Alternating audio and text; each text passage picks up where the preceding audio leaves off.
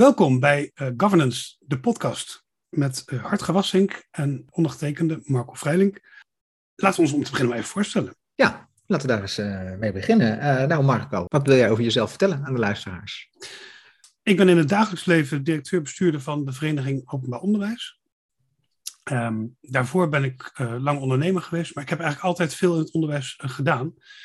Um, en eigenlijk alles wat je kan, uh, kan bedenken. Los van dat ik op school heb gezeten, heb ik in een MR gezeten, ik heb in een GMR gezeten. Ik ben bestuurder en voorzitter geweest van een uh, stichting uh, voor openbaar primair onderwijs. En ik zit en zat in de raden van toezicht, zowel in het primair als het voortgezet onderwijs. En nou ja, uit die periode is mijn grote belangstelling en voor en betrokkenheid bij, bij goed bestuur, goed toezicht, bij goede governance ehm, ontstaan. Ja, mooi.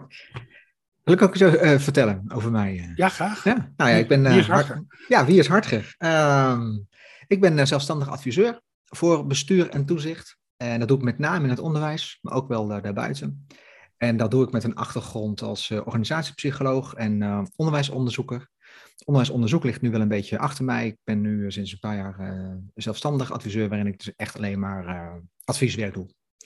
En ehm, mijn belangstelling bij uh, bestuur en toezicht komt voort uit uh, het feit dat ik het heel belangrijk vind, zeker in het onderwijs, dat um, het dicht bij de, bij de mensen ligt, bij de, bij de maatschappij. En uh, daar zie je kansen voor om dat zo in te richten dat organisaties zeg maar, verbonden zijn met, met de omgeving en mensen zich ook herkennen in het beleid van de organisaties. En nou, dat was mijn drijfveer in mijn, in mijn werk. En daar schrijf ik ook over blogs, artikelen columns af en toe.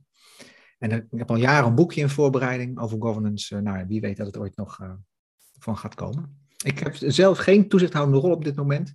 Als alles goed gaat, word ik vanavond in de ALV van de Wielenclub wel benoemd tot voorzitter van de Wielenclub. Ik weet niet of dat ook telt als, als governance rol, maar dat vind ik in ieder geval ook leuk. Om, juist ook omdat ik vind dat in, in hele gewone organisaties governance ook moet kunnen werken. Hè. Ik zeg governance voor iedereen iedereen moet op een bepaalde manier zo'n rol kunnen vervullen. Ja, dat is misschien wel goed om heel even over te hebben, want we noemen deze podcast Governance de Podcast. Um, en voor je het weet heeft iedereen al allemaal eigen beelden bij governance en wat dat dan is. Ehm, wat, wat, is governance wat jou betreft? Ja, nou, een goede vraag. Um, voor mij, ik zeg altijd in een allerkortste vorm, is het het vertalen van de waarden en de intenties van sommige mensen in resultaten voor andere mensen. Dus er is een groep mensen die iets wil bereiken en die richten daarvoor een organisatie in die van waarde is, omdat die dingen doet voor andere mensen. En de rol van governance is om na te gaan van, wordt die waarde gerealiseerd? Het gaat dus over de mensen die een rol spelen bij het realiseren van die gedaan, gezamenlijke doelstelling. En het gaat over de organisatie, inrichting en het functioneren van wat daarbij past. Ja, en het vinden van steeds de goede vormen. Nou, daar komen we denk ik uitgebreid over te, te praten in deze podcast en de volgende afleveringen. Uh, er zit altijd een stukje wat je kunt regelen in structuren en uh, regels en, en, afspraken. En er zit altijd een stukje in hoe ga je met elkaar om, hoe doe je het met elkaar. En als we dan kijken bijvoorbeeld, hè, want we hebben um, governance is algemeen en dat gaat, wat je zegt, het gaat over de wielerclub, het gaat over beursgenoteerde bedrijven. Ehm, ehm, maar het gaat ook over onderwijs. En onderwijs is wel een speciale sector, want dat, dat bindt ons inhoudelijk allebei in elk geval. Daar hebben wij een uh, grote betrokkenheid bij. En ook veel, veel ervaring ook uit de praktijk. Dus daar zullen we denk ik bovengemiddeld uh, veel over hebben. Als je dan kijkt naar uh, onderwijs, kijkt naar hoe is dat dan ingericht, dan denk ik Ehm, dat je daar drie belangrijke spelers hebt als het over governance gaat. Je hebt natuurlijk het bestuur, het begin en het mhm. eindpunt van, die, die, is verantwoordelijk uh, voor, uh, voor wat gebeurt in de organisatie. Primair, die neemt de beslissingen, het bestuur. Dan heb je de toezichthouder en allerlei vormen die daarvoor uh, te bedenken zijn. Um, en dan heb je ook nog de medezeggenschap. Ja, dat heet dan de governance driehoek, dus die komt vaak terug. Wat is voor jou nou het belang? Waarom moet deze podcast nou komen?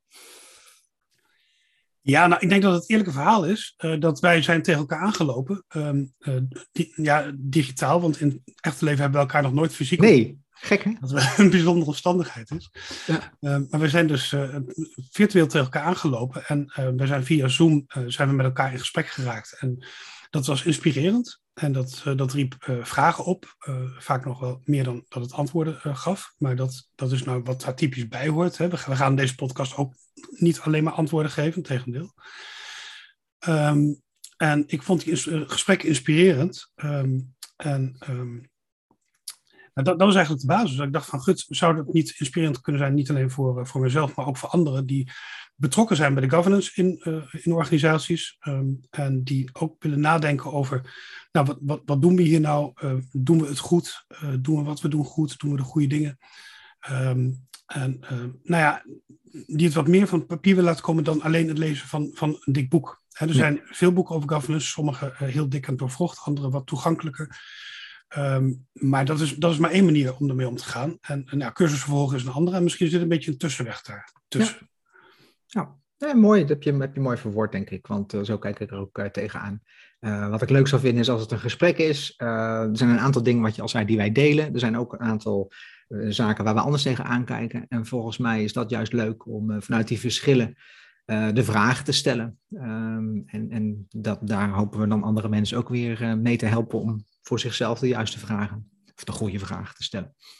Ja, precies. Ja. Want, want het is, en dat merk je ook als je zelf actief bent in, in, in onderwijs of in het bestuur. Of in het, het, het is nooit af en er zijn nooit zwart-wit situaties waar één op één een goede antwoord voor, uh, voor te vinden is. Het is eigenlijk altijd een zoektocht en het kan altijd beter. Dus als je, nou, misschien is dat het wel. Als je dat ook ervaart, als je het als een zoektocht ervaart en dat je een motivatie en een drive hebt om het elke dag een beetje beter te doen, dan uh, hopen we met deze podcast daar een kleine bijdrage aan te leveren, denk ik.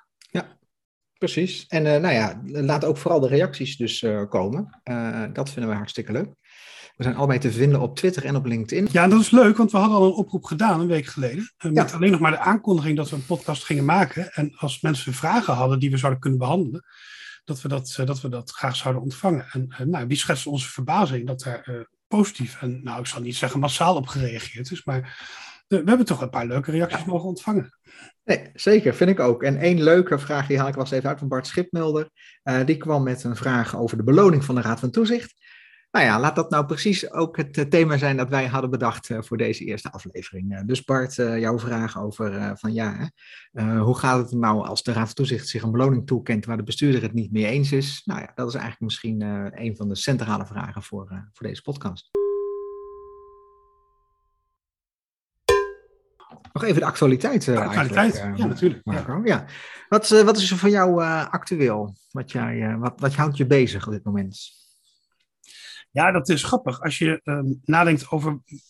Hè, is er nou zoveel aan actualiteit te melden als het over governance gaat? En zal het toch wel meevallen. In de praktijk blijkt er toch wel heel veel te spelen. Als je vraagt wat houdt jou bezig, nou, een van de meest indringende dingen die mij overkomen is de afgelopen periode, dat is een week of vier geleden, dus dat is nog redelijk top of mind, is dat ik bij een van de raden van toezicht waar ik in zit, in het voortgezet onderwijs, heb ik mijn tweede termijn volledig uitgediend. Uh, dus dat betekent dat ik daar acht jaar toezichthouder ben ja. geweest. En uh, toen was het opeens 17 december en dan is het automatisch afgelopen. En natuurlijk was mijn opvolger, die was al gezocht en gevonden en al een paar maanden aan het, aan het inwerken. Maar dan even puur vanuit mijn perspectief, en dan zeker in deze rare coronatijd met Zoom-vergaderingen, ja. geen normale manier om afscheid te, nemen. Toen was het opeens, nou, toen zwaaiden we allemaal naar elkaar en dat was het dan. Ja, dan klik je op leave en dan, dan ben je eruit, ja. Ja, en dat is, dat is een, merkte ik voor mij een hele bijzondere ervaring, want ik heb dat nog nooit meegemaakt, dat ik op zo'n manier ergens opgehouden ben om, om mee te doen, zeg maar. Ja. Um, en, Had je langer willen blijven? Nou ja, dat is dus een van de vragen die bij me opkwam, uh, waar, ja. waar, ik het antwoord nog niet echt op heb. Uh, gegeven de betrokkenheid die ik had, ben je initieel natuurlijk geneigd om ja te antwoorden. Alleen is dan de vervolgvraag, en hoe lang dan? Ja. En als er dan geen automatisch eind aan zit, dan kom je ook weer tot de conclusie, ja, maar dat is ook niet goed. Ja. Ja, dat, het is niet zo dat ik, dat ik meteen op zoek ga naar een vervanger hoor. Vanuit mijn werk is het wel prettig hoor, om, om dat voeling op die manier te houden met het voortgezet en primair onderwijs. Maar niet stel op sprong. En, uh, en jij, uh, wat, wat... Ja, nou, ja, even de Voice, uh, dat nieuws van de misstanden daar, dat, dat, dat brak door. vorige week, op het moment dat wij nu, nu opnemen, was dat. En het deed me toch meer dan ik dacht. Dat had ik eerlijk gezegd niet gedacht. Maar ik volgde dat nieuws en de klas het zo allemaal. En wat me heel erg raakt was het interview met John de Mol. Uh, waarin hij denk ik heel oprecht uh, zoiets had van ja, weet je, ik heb het niet geweten en uh, ja, die mensen moeten maar, moeten maar wat harder roepen, zeg maar, als ze ergens een probleem hebben. Ehm, wat me daar vanuit governance perspectief wel echt raakte, was dat hij twee jaar geleden ehm, van een van die betrokkenen al hoorde dat hij over de scheef was gegaan en dat hij daar niet op gehandeld heeft. Ja, wat hij zei was dat hij die man alle hoeken van de kamer heeft, heeft laten zien, maar hij heeft die man wel op zijn plek gelaten. En ik ben nu heel benieuwd hoe dat uh, verder gaat. Uh, we zijn nu bijna een week verder en het blijft eigenlijk heel stil. Dat snap ik wel. Je gaat natuurlijk eerst allerlei dingen goed, goed uitzoeken en zo. Maar ik zou het heel vreemd vinden als dit toch niet uh, wat, wat, wat meer consequenties gaat hebben. Want ja, ik denk dat dit soort processen ehm, in stand worden gehouden door een bepaalde manier van bestuur en toezicht misschien wel meer dan bestuurders en toezichthouders willen toegeven. Of over na te denken, laat ik het zo uh, zeggen. En daar heb ik het antwoord nog niet op. En ik weet ook niet wat het beste is om dat uh, te doen, om dit soort misstanden te voorkomen. Maar ik hoop wel dat het het begin is van een, uh, ja, toch een, een, een zoektocht, een, een, een, denktocht bij veel bestuurders en toezichthouders om na te gaan van, hey, wat is eigenlijk onze rol erin dat dit soort zaken in, in stand blijft? Ja, dat is, dat is een interessante. Uh, want eigenlijk zeg je met zoveel woorden dat tot het niveau van de, de hoogste baas, hè, want dat is John de Mol natuurlijk, hè, die ja. staat op eenzame hoogte in zijn imperium. Dat, dat die dan verantwoordelijk zijn voor de cultuur, want daar gaat het in deze kwestie natuurlijk, de cultuur op de werkvloer. Ja. Waar vaak een enorme afstand zit tussen de bestuurder en het primaire proces, zeg maar. Ja. Ja, en dat voorkom je niet, want je hebt nou helemaal die afstand, maar je bent wel verantwoordelijk voor wat daar uh, gebeurt. En uh, je komt er niet mee weg met zeggen van ja joh, ik wist het niet, uh, ik heb het niet gehoord. En, hè, dus als er dingen zijn die wel een risico zijn, maar waar jij nog niet van gehoord hebt, dan moet je je afvragen van hoe kom ik er zo snel mogelijk achter hè, dat, dat, dat ik het wel hoor als het aan de, aan de hand is. En ja. Nou ja, goed. Dus, misschien nog weer een thema voor een andere keer. Maar ik vond ja, het een heel... Uh, en weet je, wat, wat, ik, wat, ik, wat, ik, wat, ik, het zo zeggen, wat ik het nare zou vinden, is als het blijft op het niveau van, nou, er zijn een paar mannen geweest die hebben hun handen niet thuis kunnen houden, van, dat moeten die mannen niet doen, en dan moeten ze voor veroordeeld worden, en dan gaan we weer verder. Terwijl ik denk van, nee, er zitten gewoon meer systematische ja, patronen in, in hoe organisaties geleid en bestuurd worden, waardoor dit toch telkens weer, uh, dit, soort, dit soort dingen zouden kunnen gebeuren ja, het, heeft, misschien ook wel te maken met dat dit um, als zodanig meer een, um, een, een, onderwerp van gesprek moet zijn. Net als ik, toen je dit vertelde, dacht ik van ja, het, het, lijkt wel een beetje op hoe er met fraude wordt omgegaan. En um, uh, fraude is expliciet een, een, verantwoordelijkheid van het bestuur en van het toezicht om ervoor te zorgen dat dat er niet is. Hè. Daar word je door een accountant ook elk jaar op gewezen. Dan zegt de accountant, uh, wij, wij doen dat niet. Daar ben je als bestuur en als toezichthouder verantwoordelijk voor. Okay, ja. En dan, uh, dan, dan, is goed dat die accountant dat zegt, want dan word je elk jaar weer eventjes met je neus opgedrukt, dat je eigenlijk vaak niet heel goed weet welke mogelijkheden tot fraude er überhaupt zijn. En dan ga je daar een audit naar laten doen en je praat erover met, uh, met, met bestuur. Ja. De bestuurder moet er in zijn organisatie over praten. En als je dat gesprek niet hebt um, dan, en, en, er niet actief naar op zoek gaat, dan is de kans dat je het vindt uh, of pas hoort als het te laat is, natuurlijk hartstikke groot. Ja. En die lijkt dat wel op elkaar, denk ik. Ja, vind ik een mooie vergelijking, ja. Omdat ik denk dat van fraude, uh, de, de mannen aan de top, om het zo maar even te zeggen, kunnen ze zich meer voorstellen hè, dat dat gebeurt, ja, dat het een risico is. Um, en dit soort uh, machtsmisbruik eigenlijk, want daar gaat het uiteindelijk om, om machtsmisbruik, uh, ja, dat, dat hebben ze misschien wat minder uh, in het vizier, maar het is minstens zo'n groot risico. Zeker. hey, laten we eens naar, naar het thema gaan. Ja. want we gingen het hebben over de vergoeding van de toezichthouder. En er is een aanleiding voor geweest en misschien wil jij daar iets, iets over vertellen. Ja, dat klopt. Het is sowieso natuurlijk een interessant onderwerp, maar we zaten te denken, wat, wat is nou goed onderwerp om mee te beginnen. En toen kwam dit nou ja, in het nieuws, zeg maar. Ja, wel een beetje in het nieuws. In het uh, Alkmaars uh, Dagblad verscheen een artikel over de ophef die er ontstaan was bij een uh, stichting daar. En ik zal verder geen namen noemen, want dat is allemaal helemaal niet, niet, niet relevant. Nee. Um, maar dat ging over een raad van toezicht um, die zijn eigen beloning had, had verhoogd. Um, en als je dan keek naar vanaf 2015, kwam dat neer op in twee stappen een verhoging van 400 procent. Okay. Uh, en daar waren, uh, leek het verschillende mensen nogal ontdaan over. Um, ook de bestuurder, naar het schijnt. Um, en ook um, Hans Tegelbekkers, hij is de directeur van VOS ABB. En dat is de profielorganisatie voor openbare en algemeen toegankelijke scholen. Ehm, en die heeft zich daar toen ook in de krant over uitgelaten. Dat hij vond dat het, niet, dat het geen pas gaf dat toezichthouders zichzelf zo'n verhoging van de vergoeding toekenden. En sowieso dat toezichthouders wel erg veel verdienden. en dat daar misschien maar eens kritisch naar gekeken moest, moest worden. Ja. Nou, toen dachten wij dat is, een, dat is een interessant onderwerp. Er zitten natuurlijk veel aspecten aan. Om te beginnen al het feit dat de Raad van Toezicht zichzelf uh, beloont. Hè, dus ze zelf mogen bepalen hoeveel ze verdienen. Ja, ja, ja, binnen kaders natuurlijk, maar daar komen we het er nog over, over te hebben. Um, we hebben Hans ook gebeld. Ik heb met Hans uh, gesproken uh, om, om hem eventjes uh, te vragen van nou, wat is er volgens hem aan de hand? En misschien moeten we daar even naar gaan luisteren. Ja, leuk. Ja? Hans Tegelbekkers, directeur van de VOS AWB.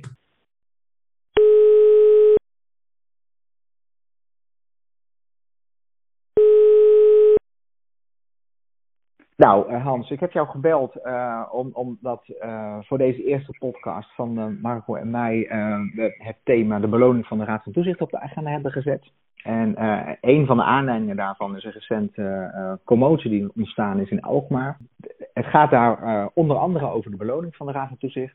Um, nou, dan willen we het niet specifiek over dit geval gaan hebben, maar jij hebt je daar ook over uitgesproken. Dus zo kwamen we weer op jouw naam. Hè. Jij wordt ook genoemd in, die, in de artikelen daarover. Dus we dachten van nou, laten we Hans bellen om te vragen van ja, wat speelt hier eigenlijk? Wat is hier nou, nou aan de hand? Kun jij daar iets over zeggen? Wat, wat er volgens jou uh, hier aan de hand is?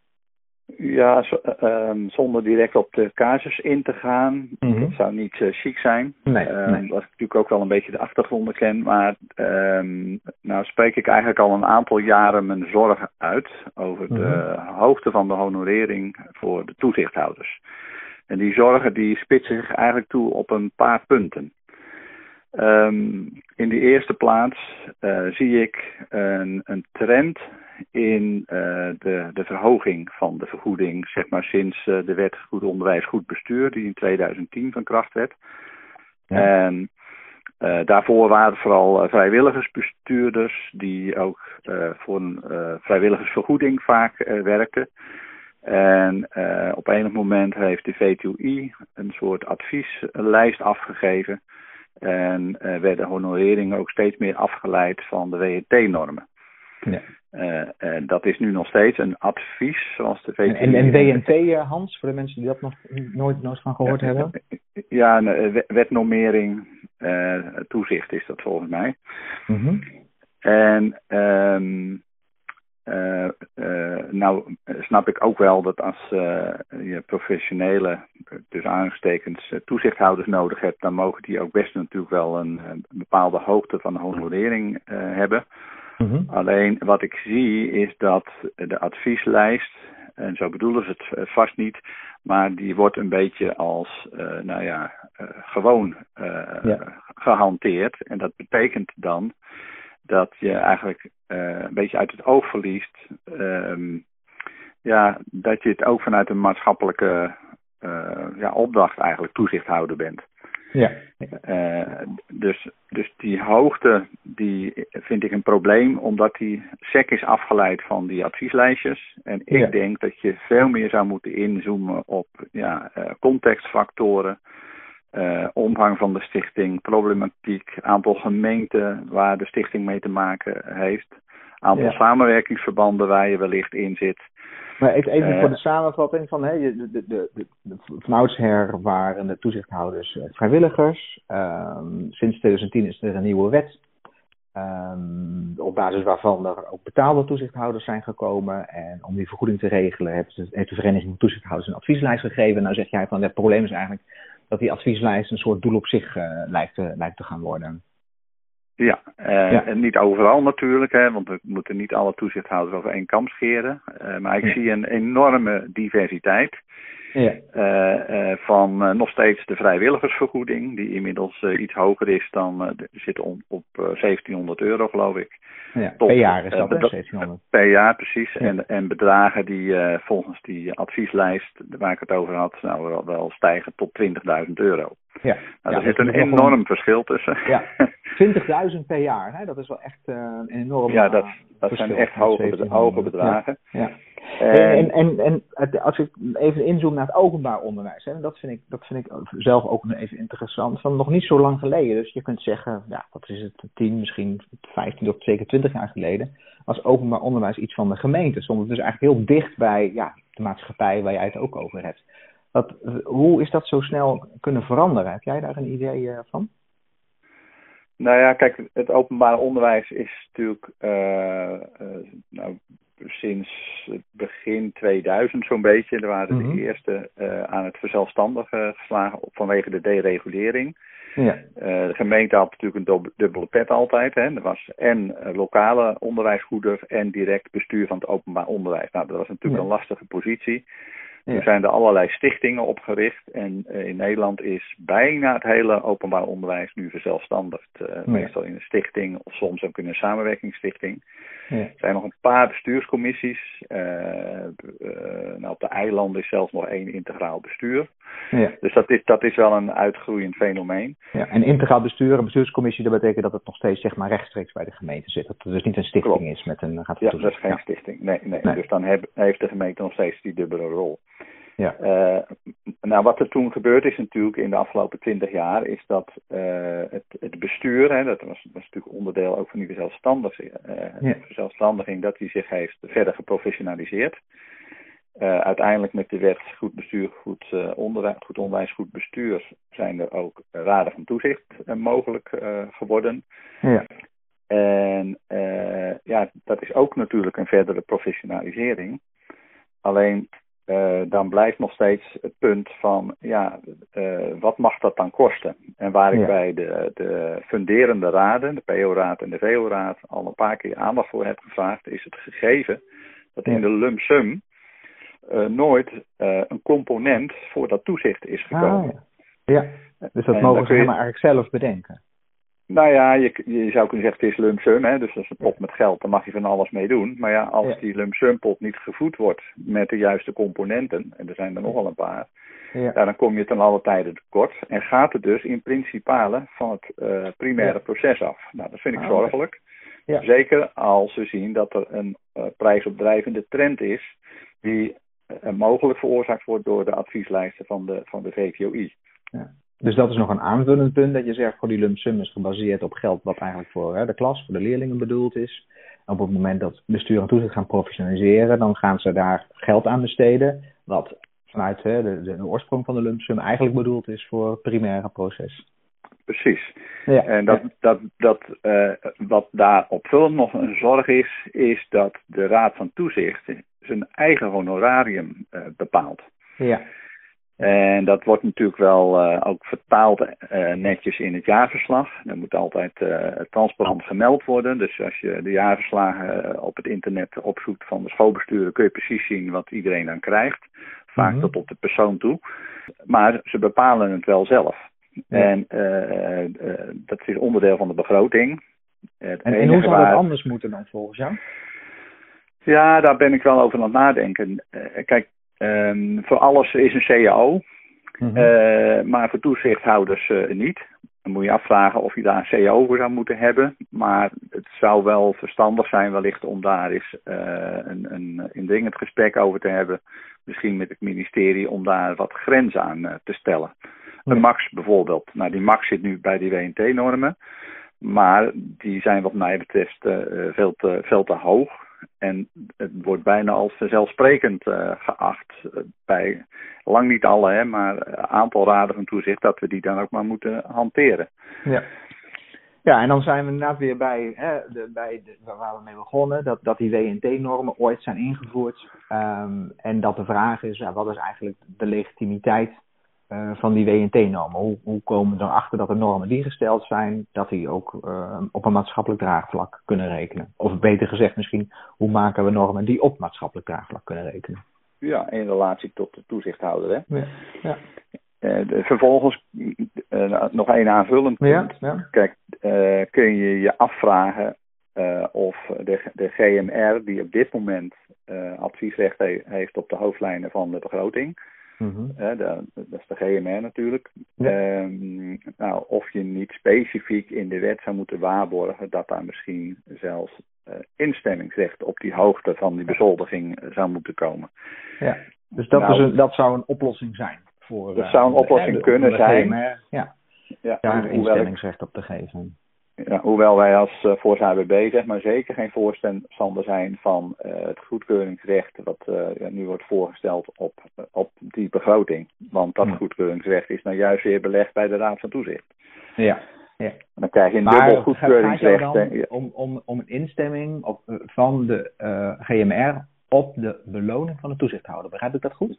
Ja, precies. Nou, dat zou een idee kunnen zijn om eens, het, eens te verkennen wat de haken en de ogen en de voordelen daarvan uh, van zouden zijn. Ja.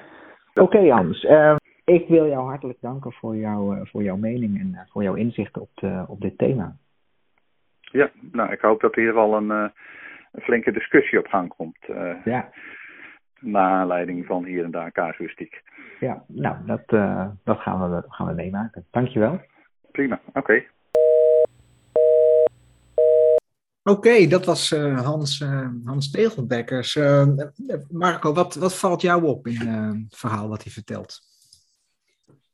Ja, er, er, komt echt heel veel voorbij. En hij werpt ook heel veel vragen op. En ook, ook wel interessante vragen. Um, um, maar als ik door mijn oogharen naar kijk, of, of, of, ja, ik heb ernaar geluisterd, maar goed. Um, dan benoemt hij zo ook één keer expliciet dat het neerkomt op de vraag, wat mag dat dan kosten? Ja.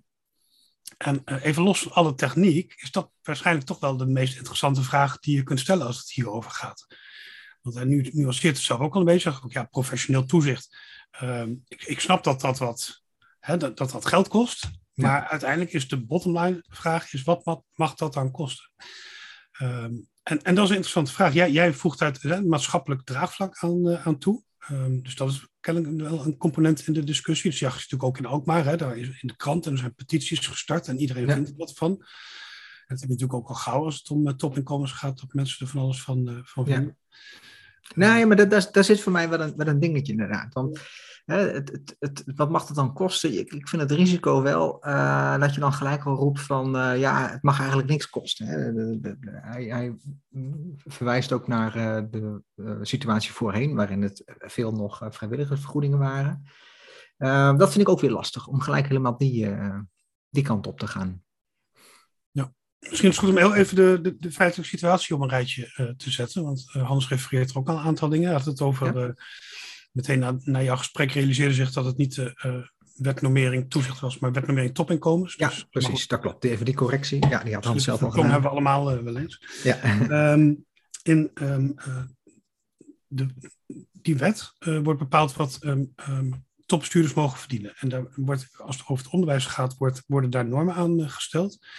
En dat is wel interessant, want dat raakt al een aantal dingen die Hans zei. Die uh, normen die zijn afhankelijk van de complexiteit van de organisatie. Uh, en worden, in de wet worden er drie um, categorieën uh, gehanteerd voor het funderend onderwijs. Dat is, um, wat, wat, is je totaal omzet op jaarbasis? Um, hoe meer omzet, hoe meer complexiteitspunten je, kunt, die je daarvoor krijgt. Het tweede is hoeveel leerlingen heb je? Hoeveel bekostigde leerlingen heb je? Mm -hmm. nou, dat gaat met staffels, maar dat levert ook punten op. Mm -hmm. En als derde is hoeveel verschillende onderwijstypen uh, zitten, okay. vallen er onder jouw bestuur. Dus dat is ook indicatie voor complexiteit.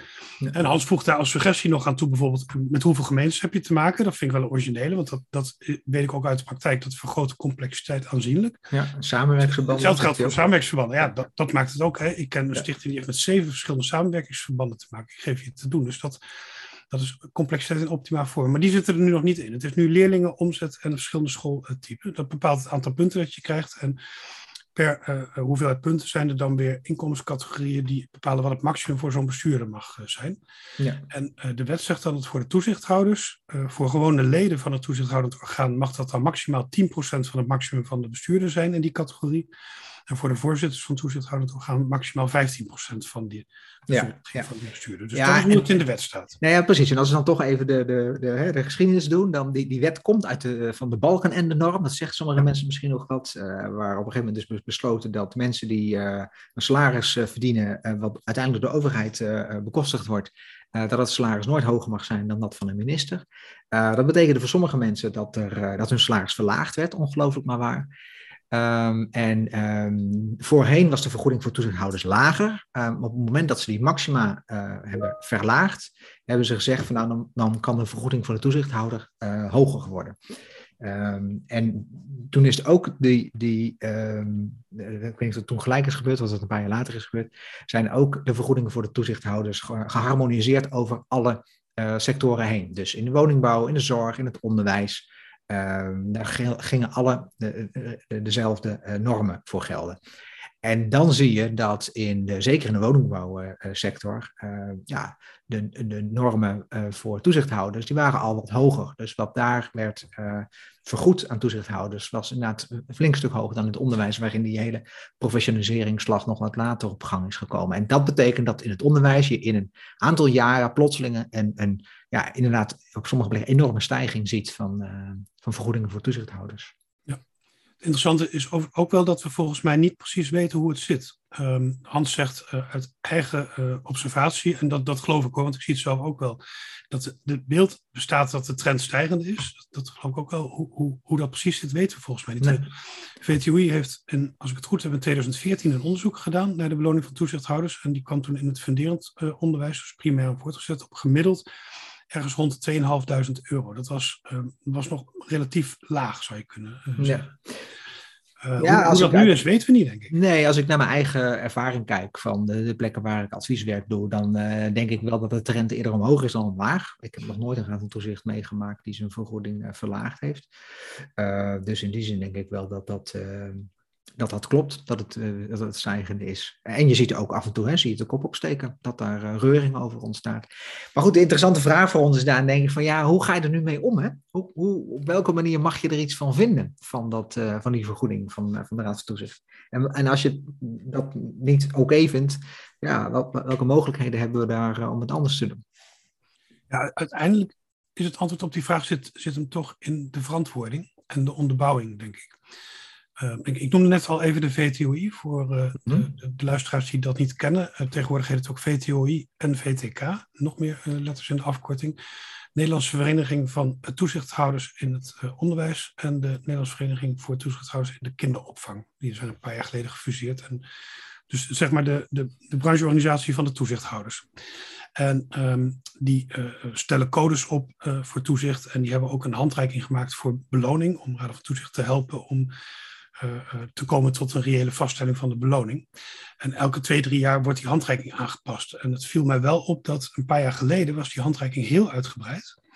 En er werd ook vrij veel nadruk gelegd op dat het, uh, op dat het maatschappelijk verantwoord moest zijn. Er werden ook suggesties gegeven over hoe je met die maatschappelijke verantwoording om kon gaan. Bijvoorbeeld door advies te vragen aan de GMR of de MR. Van, nou, we zijn van plan onszelf dit als beloning toe te kennen. MR, wat vinden jullie ervan hè, als medezeggenschapsraad?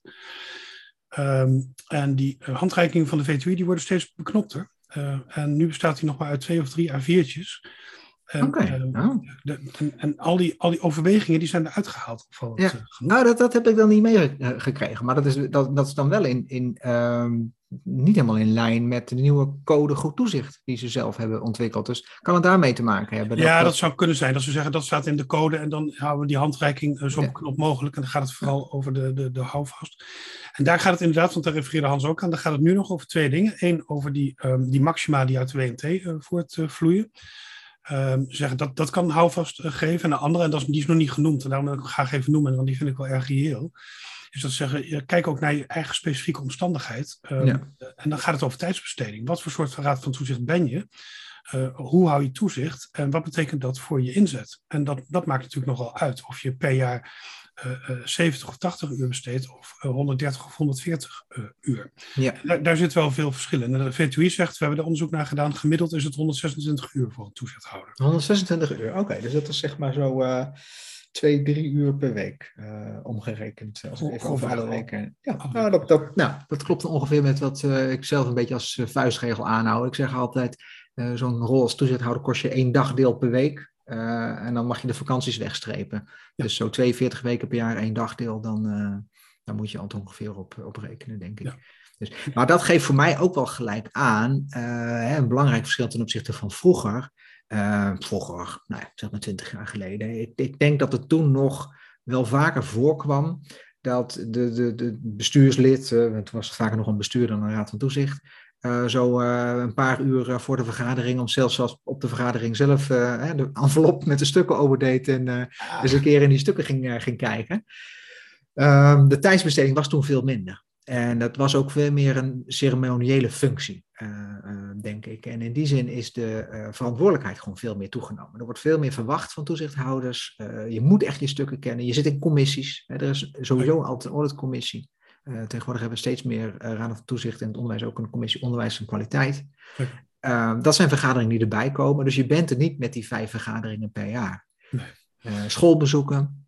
Dus ja. Overleg met, met de medezeggenschap. Ja, ook. Ja, en nog één ding wat ik ook zou willen reageren, van, waar ik zelf ook wel een beetje moeite mee heb, is het uren tellen. Dat, dat, ergens moet je er natuurlijk wel naar kijken van hè, hoeveel uur stop je erin en is dan de vergoeding die je krijgt, uh, is die reëel daarvoor? Alleen ik vind wel primair uh, moet voorop staan dat, dat je een, uh, ja, hoe moet ik het nou zeggen? Kijk, een, een, een, een, een lid van de Tweede Kamer krijgt ook geen salaris. Ik weet niet hoe daar heet, maar, maar dat zal een soort vergoeding zijn ja. of zo, denk ik. Die de, hoe dat Schadeloosstelling. Een schadeloosstelling, kijk eens. Ja. ja. Nou, dat zou ik wel willen, willen invoeren voor de Raad van Toezicht. Dat je geen beloning krijgt of vergoeding, maar ook een schadeloosstelling. Um, en en dan, je bent geen adviseur, je bent niet in dienst, uh, um, je hebt geen belang erbij, maar je besteedt je tijd en je expertise om ervoor te zorgen dat die organisatie een stukje beter wordt. En daar word je schadeloos voor gesteld. En ja, dan moet je niet al te veel op je uren gaan letten. En dan kan het soms zijn dat je, ja, de, gewone vergaderingen hebt. En soms is er iets aan de hand en dan heb je bij wijze van spreken iedere week uh, s'avonds een vergadering. Dat kan gebeuren. Nee, ik herken dat, ik, dat uren tellen zie ik in de praktijk eigenlijk nooit. Um, ik heb het in één raad van toezicht hebben we het een keer een, een jaar gedaan. Gewoon om voor onszelf nou een gevoel te hebben van, uh, uh, om daar een beeld bij, bij te creëren. En dat heeft de VTUI ook gedaan. En dat geeft het geeft vast om eventjes een soort van marginale toets te doen. Hè? Dat is interessant. Als we naar die casus waar dit hele verhaal mee begon kijken, hè, die ook maar. Daar um, is de Raad van Toezicht van plan de gewone leden 8000 euro te geven. Nou, dat klinkt meteen een heleboel geld uh, natuurlijk. Maar als je dan eventjes die urennorm van de VTUI pakt, zegt 126 uur. Nou, ik doe het nou eventjes uit mijn hoofd, maar dan heb je het volgens mij over een gemiddeld uurtarief van 65 euro. Ja. Een grote. Um, nou, en dan mag je zelf bepalen of je dat veel vindt of niet. Ja, ja. Dan ga ik daar geen uitspraak over doen. Maar dat, dat geeft wel een soort van reality check. We hebben je laatste badkamer laten, laten doen. En uh, dan kom je op een, op een vergelijkbaar tarief. Maar nee, ja, ik, nou ja, dus het wordt zo, ik vind het een beetje ongemakkelijk, omdat het dan inderdaad een beetje kruidenieren wordt. Uh, en wat ik al zei, dan, dan is het alsof je een soort uh, ja, adviseursrol uh, hebt of zo. Hè, tot voor kort, voor, een wijziging, moesten Raad van Toezichtleden ook een factuur sturen naar de organisatie voor een vergoeding. Nou, dat vond ik ook een heel volstrekt verkeerd woord. Moest zelfs nog een BTW bij je op ook. Ehm, dat vind ik, dat, dat wekt ook helemaal de verkeerde verwachtingen. Um, wat ik wel interessant vind, nog wat ik nog zou willen aanhaken, is, ik, dit is echt nu een thema in het onderwijs, hè, dat zei ik al. En in het onderwijs, in de woningcorporaties waar ik ook wel kom, is, het, is dit nauwelijks een thema. Ook niet bij de kleinere corporaties. Okay. daar is het echt normaal dat uh, bestuurders, toezichthouders, raad van commissarissen heet het daar, gewoon een stevige voeding krijgen. Als je naar de kunst kijkt, vind ik het wel heel interessant. In de kunst is het juist weer heel normaal dat je er niks voor krijgt. Ja, of misschien die vrijwilligersvergoeding ja. van 1700 euro. En uh, het voorbeeld wat ik dan vaak gebruik is van het Concertgebouw uh, in Amsterdam. Uh, als je een prestigieuze toezichtsrol wil, is het wel het bestuur van het Concertgebouw. Die krijgen niks. Dus dat zijn mensen die daarin zitten. En waar doen ze het dan voor? Ja, je hebt wel, ik weet niet of je de drie P's kent, um, uh, poen, plezier en prestige. Uh, nou ja, zo zou je het ook naar, naar kunnen kijken als toezichthouder. Uh, je moet het niet voor de, de poen doen, maar denk vooral ook voor het plezier en, en de prestige die er misschien aan kunt ontlenen. Ja, dat is fascinerend om over na te denken. Wat nou het wezenlijke verschil is tussen die sectoren. En of, dan, of je dan kunt uitleggen waarom die verschillen dan zo groot zijn. Bij goede doelen zie je het ook. Hè? De, de grote goede, goede doelen die zijn, ja. die zijn ook niet zo goed. Nee, Nee, dus dan is het interessant, wat maakt dat het onderwijs, uh, ja, misschien ga ik nu hele gevaarlijke dingen zeggen, maar dat het onderwijs zo weinig uh, prestige heeft, dat mensen daardoor blijkbaar ja, zich geroepen voelen om heel veel poen te vragen om in zo'n raad van toezicht te zitten. eigenlijk zou je willen dat het een enorme erebaan is, een eretaak is, om een rol als toezichthouder in het onderwijs te vervullen. Ja, nou, nou, nou voel ik me ook wel even, even aangesproken, dus ga ik proberen daar antwoord op. Ja? nou ja, goed, ik ben, ik ben toezichthouder en ik krijg daar een vergoeding voor in de orde van grootte, waar we het net over hadden, even full disclosure. Is dat dan heel veel poen uh, vragen? Zo, zo, ervaar ik dat ook niet. Je zegt net, het is eigenlijk raar dat facturen sturen, dat werkt, werkt ook niet, uh, niet zo. Um, maar ik vind het ook niet raar dat er iets tegenover staat. Ik, ik, had van de week een discussie over met iemand die zei ook, ja, weet je, de, de kosten van slecht toezicht, die zijn, die zijn heel groot. Ja. Ja. En dat is ook waar. Ja. Um, en doe ik het voor het geld? Nee. Um, um, ik, maar ik denk wel dat er een aantal toezichthouders is die, en, en dat mag iedereen voor zich weten, hè, die als ze moeten kiezen tussen een toezichthoudende baan waar ze uh, niks voor krijgen of waarbij ze nou, deze orde van grote beloning voor krijgen, dat ze dan Ehm, dat ze daarvoor kiezen. Ook omdat het ze wel ruimte creëert hè, om bijvoorbeeld met een andere baan parttime te kunnen gaan werken. Omdat ze toch zeggen, het, het vult wel aan op mijn, um, uh, op mijn ervaring. Ja, nee, ik, ik vind het heel begrijpelijk en ik vind het ook heel gevaarlijk. Dat, dat is een beetje een tricky eraan. Uh, hè, dus ik, ik, ik, ik, was net een beetje provocatief. Uh, ik, ik, voor de duidelijkheid, ik vind helemaal niet dat alle toezichthouders uh, geen vergoeding zouden moeten krijgen. Ik vind het prima dat het een reële vergoeding is.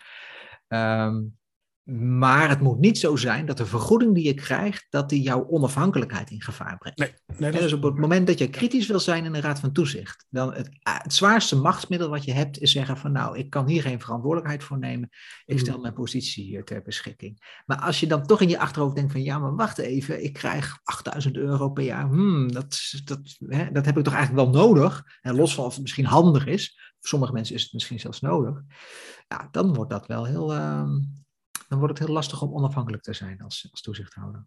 Ja. Ik, ik, ik heb nog een andere vraag, uh, naar aanleiding ook van wat Hans zei. Die uh, maakt een, een, deed een uitspraak waar je het eigenlijk bijna niet mee oneens kunt zijn. Hè? Dat het een uh, maatschappelijke opdracht is om toezicht te houden. Um, en, en daar koppelde hij dus ook aan dat, je, dat het dus niet zo hoog beloond hoeft te worden. Want nou, dat raakt ook een beetje aan wat jij net zegt. En toen dacht ik, toen hij dat zei, van ja, geldt dat niet ook voor het bestuur? Dat die vanuit de maatschappelijke opdracht geacht wordt die organisatie goed te besturen? Goeie vraag. Ja, aan de ene kant misschien wel. Aan de andere kant is het bestuurder toch wel echt een baan. Dat vind ik toch echt een. Uh, dat, daar stop je gewoon, uh, ja, bij wijze van spreken, 24 uur per dag in. Uh, grote verantwoordelijkheden ook. Hè? Kijk, als, als toezichthouder, als de zaak uh, misloopt, moet je laten zien dat je je van je toezichthoudende taak gekweten hebt. En dat betekent in de praktijk dat je de stukken van de bestuur uh, hebt doorgenomen en daar kritische vragen over hebt gesteld. als je dat kunt aantonen, nou, dan, dan moet het wel heel zwaar lopen, wil jij er ernstig worden aangesproken in je rol als toezichthouder. Als bestuurder heb je een veel zwaardere verantwoordelijkheid, namelijk ja, in uitvoerende zin moet je laten zien dat je zo goed mogelijk het beste gedaan hebt. Dus um, ik, ik vind die baan veel zwaarder en het is ook echt een baan. En in die zin vind ik dat je daar minder kunt vragen dat mensen het ja, alleen maar vanwege hun maatschappelijke betrokkenheid kunnen doen want ja, uiteindelijk zul je toch ook gewoon uh, de hypotheek moeten betalen en uh, je gezin onderhouden en, uh, en dat soort zaken. Oké. Ja, hey, maar even naar die maatschappelijke betrokkenheid nog even, want ook een, een stapje verder gedacht. Um, wie mag er nu wat van vinden? Waar ligt nu, hè, waar ligt nu die norm voor wat een acceptabel, acceptabele vergoeding is? Ja, dat is fascinerend. Hè? Dat, de, de Raad van Toezicht beslist het zelf. En uh, die wordt door de branchevereniging opgeroepen om zichzelf daarover uh, te verantwoorden, uh, al dan niet indringen. Um, en verder mag iedereen er wat van vinden. En dat zie je dus ook op momenten dat er dan dat misgaat, dan vindt iedereen er wat van. Nou, dan koppel ik de vraag even terug. Mag als je puur vanuit governance perspectief bekijkt, mag een bestuurder wat vinden van de beloning van de toezichthouder? nou, formeel niet. Hè, want de Raad van Toezicht eh, gaat er zelf over. Um, ik vind altijd wel, um, moet je het nou goed formuleren, uh, het moet niet een probleem voor de bestuurder worden. Dus ik vind wel dat de bestuurder van de Raad van Toezicht mag vragen, beloon jezelf op zo'n manier dat ik daar geen lastige vragen over krijg. En dat moet, vind ik ook, dat moet ook een verantwoordelijkheid zijn die de Raad van Toezicht uh, voelt. De Raad van Toezicht is ervoor om de bestuurder zo goed mogelijk zijn werk te laten doen. En als het functioneren van de Raad van Toezicht ja, een obstakel wordt voor de bestuurder om zijn werk goed te doen, ja, dan, dan ben je niet goed bezig als Raad van Toezicht. Nee, ja, dit is de kern, denk ik. Je moet het met droge ogen kunnen uitleggen op feestjes en partijen. Ja. En er zullen er altijd mensen zijn die, het, die er wat ongenuanceerder wel of niet mee eens zijn. Hè? Dat, dat voorkom je toch, uh, toch nooit. Maar je moet je er niet voor, uh, voor hoeven schamen. Wat, wat ik zie is dat het toch ook best wel verschilt dan per context. Uh, PO, VO, MBO, ook regio, waar de organisatie zit. Wat, wat vind jij daarvan? Ja, nou ja, in, in, de, in de wet is door de manier waarop dat werkt met die complexiteitspunten, is dat ingebakken naarmate de de, de instellingen groter worden, um, hebben ze dus en meer omzet en meer leerlingen. Dat lijken twee verschillende dingen te zijn, die zijn natuurlijk één op één aan elkaar gekoppeld. Uh, dan krijg je al een hoop complexiteitspunten uh, meer. En als je dan nog wat verschillende onderwijssoorten uh, hebt, dan, dan, dan, dan, dan, gaat het nogal hard. Um, terwijl je wel zou kunnen afvragen of het, de bestuurlijke uitdaging, of die nou echt zoveel groter en, en ingewikkelder eh, is. En dat geldt dan tegelijkertijd ook voor het toezicht. Het enige wat daar wel tegenover staat, is dat naarmate die instellingen groter zijn, dat hebben we natuurlijk ook gezien in het verleden, dan zijn de potentiële problemen ook groter. Um, en dat is ook een soort van complexiteit. De vraag raakt ook wel een beetje aan wat Hans opwierp, van moeten we het niet maximeren? En toen, terwijl die praten realiseerde zichzelf van ja, het is al gemaximeerd, want het staat in de wet en dat klopt. En toen kwam hij met een CAO. Dat, dat vond ik eigenlijk wel een, een interessante vraag. Dat lijkt heel erg voor de hand te liggen. En tegelijkertijd is dat ook weer lastig, want dan ga je dus bepalen hè, wat iemand verdient. Ja. Um, en dan laat je ook weer het idee los dat het dus ook weer heel situationeel kan zijn. Want de ene organisatie is nou een keer complexer dan de andere. Of er speelt veel meer. Of er is een toezichtsvisie die ervoor zorgt dat er veel meer tijd aan wordt besteed dan bij andere organisaties. En op het moment dat je iedereen hetzelfde gaat geven, um, heeft dat ongetwijfeld op termijn ook weer consequenties voor hoe mensen zich gaan gedragen. Weet je? Dat is een beetje de andere kant van dezelfde medaille. Ja, ja. Maar hij gaf later in het gesprek aan dat hij daar een rol in zag voor de GMR bijvoorbeeld. Hè? Uh, dus uh, hij opperde om bijvoorbeeld de GMR uh, instemmingsrecht te geven op de beloning van de, Raad van Toezicht. Zou dat volgens jou een oplossing zijn? Het zou een oplossing kunnen zijn. Instemmingsrecht gaat wel heel ver. Um, net zo goed als bestuurders het ver zouden vinden gaan als de medezeggenschap instemmingsrecht zou krijgen op de begroting, wat ze nu ook niet hebben. Uh, maar een eerste goede stap zou adviesrecht kunnen zijn. Ik kan ook niet bedenken waarom je ze dat niet zou geven. Hè? Als een MR adviesrecht heeft, dan moet je een besluit voordat je het kunt nemen voorleggen aan de medezeggenschapsraad. En die moet dan met argumenten omkleed zeggen wat ze daarvan vinden. Of ze negatief of positief adviseren. Uh, en dat is wel een flinke stap als je dat zou, zou doen. Want dan moet je dus het open, als raad van toezicht, het open gesprek aan met de belangrijkste stakeholders van de, van de ja. school. In dit geval de ouders, de leerkrachten, in het uh, voortgezet onderwijs ook de leerlingen. Um, en daar moet je uit kunnen leggen waarom je denkt dat dit een reële beloning is. En dan moet je het ook hebben over de uitgangspunten die daar aan ten grondslag uh, liggen. En dan kun je het ook met elkaar over die uitgangspunten hebben. Nou, dan heb je al een heel goed gesprek. Dan ben je al, ben je al heel eind in de goede richting, denk ik. Ja, ja nee, dat ben ik met je eens. Ik, ik, ik zeg het ook meestal tegen uh, raden van toezicht. Van, uh, zorg ervoor dat je in ieder geval de GMR informeert over een wijziging, een verhoging van de beloning als je die uh, van plan bent. Ik aarzel er ook wel wat over hoor, omdat om, het dan toch weer een regel is die je gaat uh, toevoegen. Um, en voor mij is juist de, de uitdaging om het niet zoveel meer telkens over nieuwe regels te hebben, maar eigenlijk het gesprek te krijgen over van ja, wat vinden we nu eigenlijk fatsoenlijk en hoe gaan we nu op een fatsoenlijke manier ja? Nou, daar wil ik dan toch wel even op reageren, want dat, dat klinkt heel mooi, maar dan heb je ook nog de weerbarstige praktijk. En het zijn ook allemaal gewoon maar mensen, hè, met alles wat erbij hoort. En ik zie ook wel dat mensen praten over bezoldiging uh, gewoon heel moeilijk vinden. Ja, Als het ja maar is dat, dan, is dat dan niet het probleem, dat we het een moeilijk gesprek vinden? Ja, maar dat, dat is natuurlijk een breed cultuurding. Hè? Ja. Feestjes en partijtjes vertellen Nederlanders aan elkaar ook niet hoeveel ze verdienen. Ze vragen er ook niet naar. Dus dan kunnen we doen alsof we ons aan de pauze zijn als we in de Raad van Toezicht zitten. Maar dat is natuurlijk niet zo.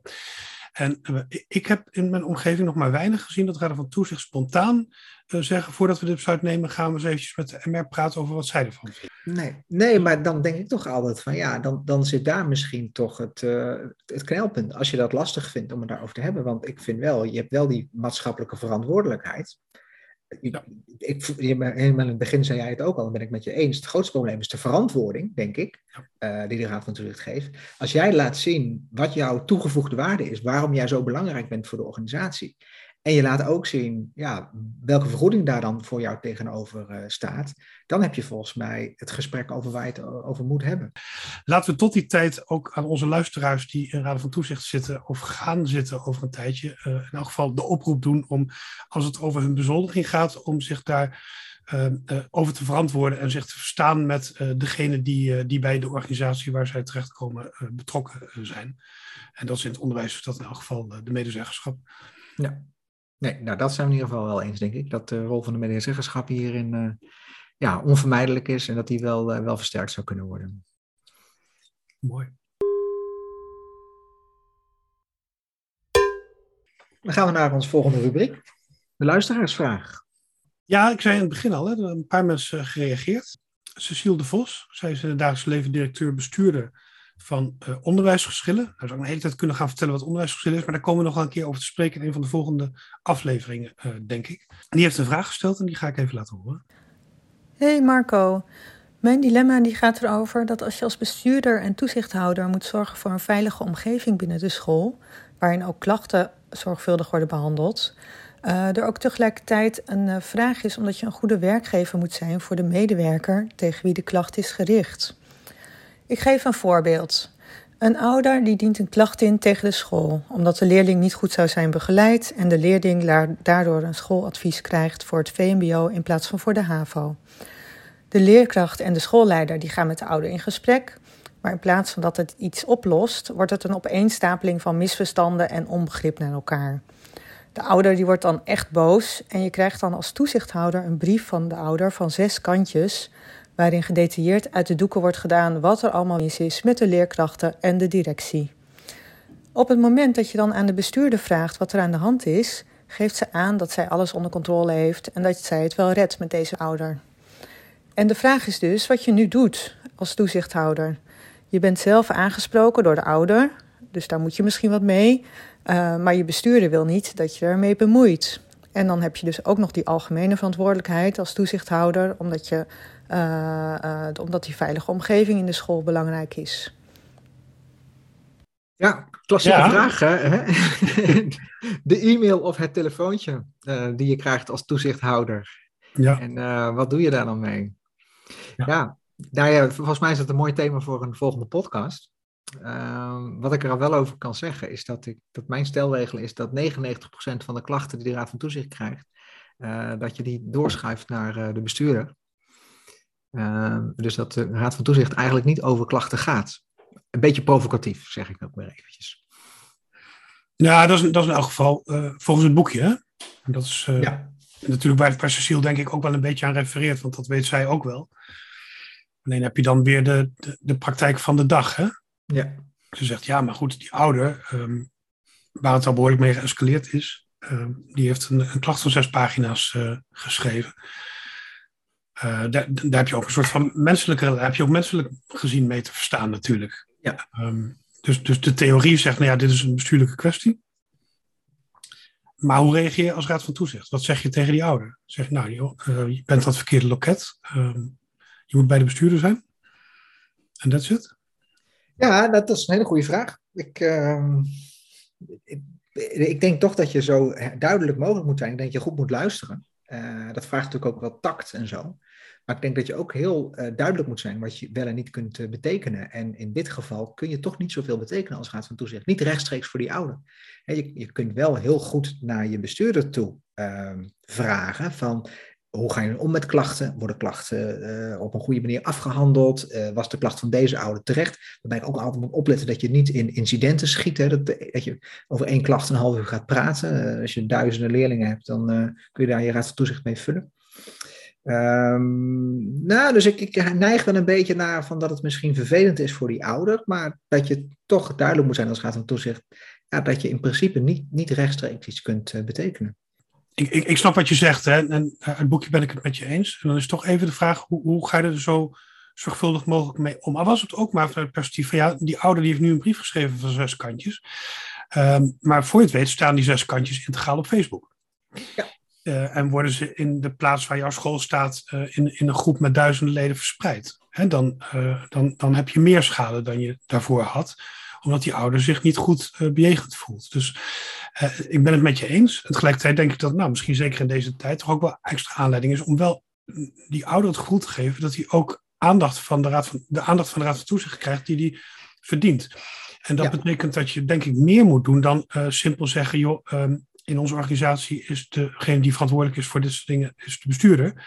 En die zal het verder oppakken met veel succes. Dat je dat toch nog even met iets meer aandacht.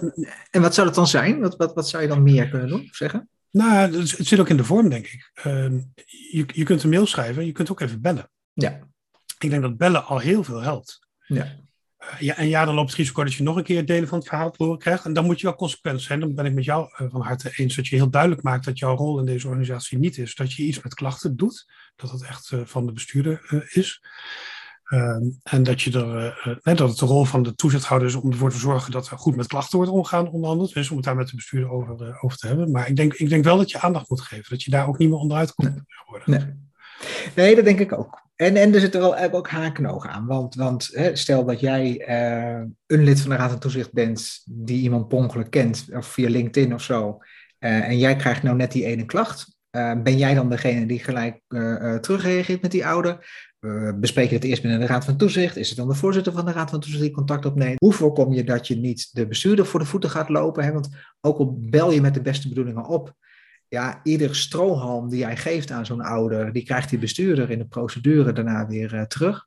Ja, dat is dus ingewikkeld. Ja, ik vind het wel, uh, ik snap het hoor. En ik, wat ik al zei, dat vraagt heel veel tact. En je moet mensen ook niet zomaar afpoeieren. Maar ik vind wel dat je heel reëel moet zijn in wat je kunt betekenen. En ja, nogmaals, dat is in, in, in 99% van de gevallen is dat niet zo heel veel. Is, is dat niks? Nee, daar ben ik met je eens. Nou, mooi, mooie eerste vraag. Ja, mooie uh, eerste vraag. Nou, wie weet... Altijd Cecile er iets van heeft. Maar het maakt in elk geval wel duidelijk dat verschillende onderdelen van die driehoek, zoals jij in het begin noemde, dat ja. die hele duidelijke verschillende rollen uh, hebben. En dat dat voor de buitenwereld natuurlijk niet altijd duidelijk is. Dus dat nee. is ook wel een idee is om na te denken over hoe je dat wel duidelijk kunt maken aan de buitenwereld. Ja. Laatste rubriek, de tip, de governance tip. Welke governance tip heb jij voor onze luisteraars? Um, ja, dat is wel een hele concrete. Um, ik heb het net al even gehad over de NVOI. Uh, um, VTOI? VTOI en VTK ja, ze moeten hun naam echt gaan veranderen. VTOI en VTK, dat is niet te doen. Ja.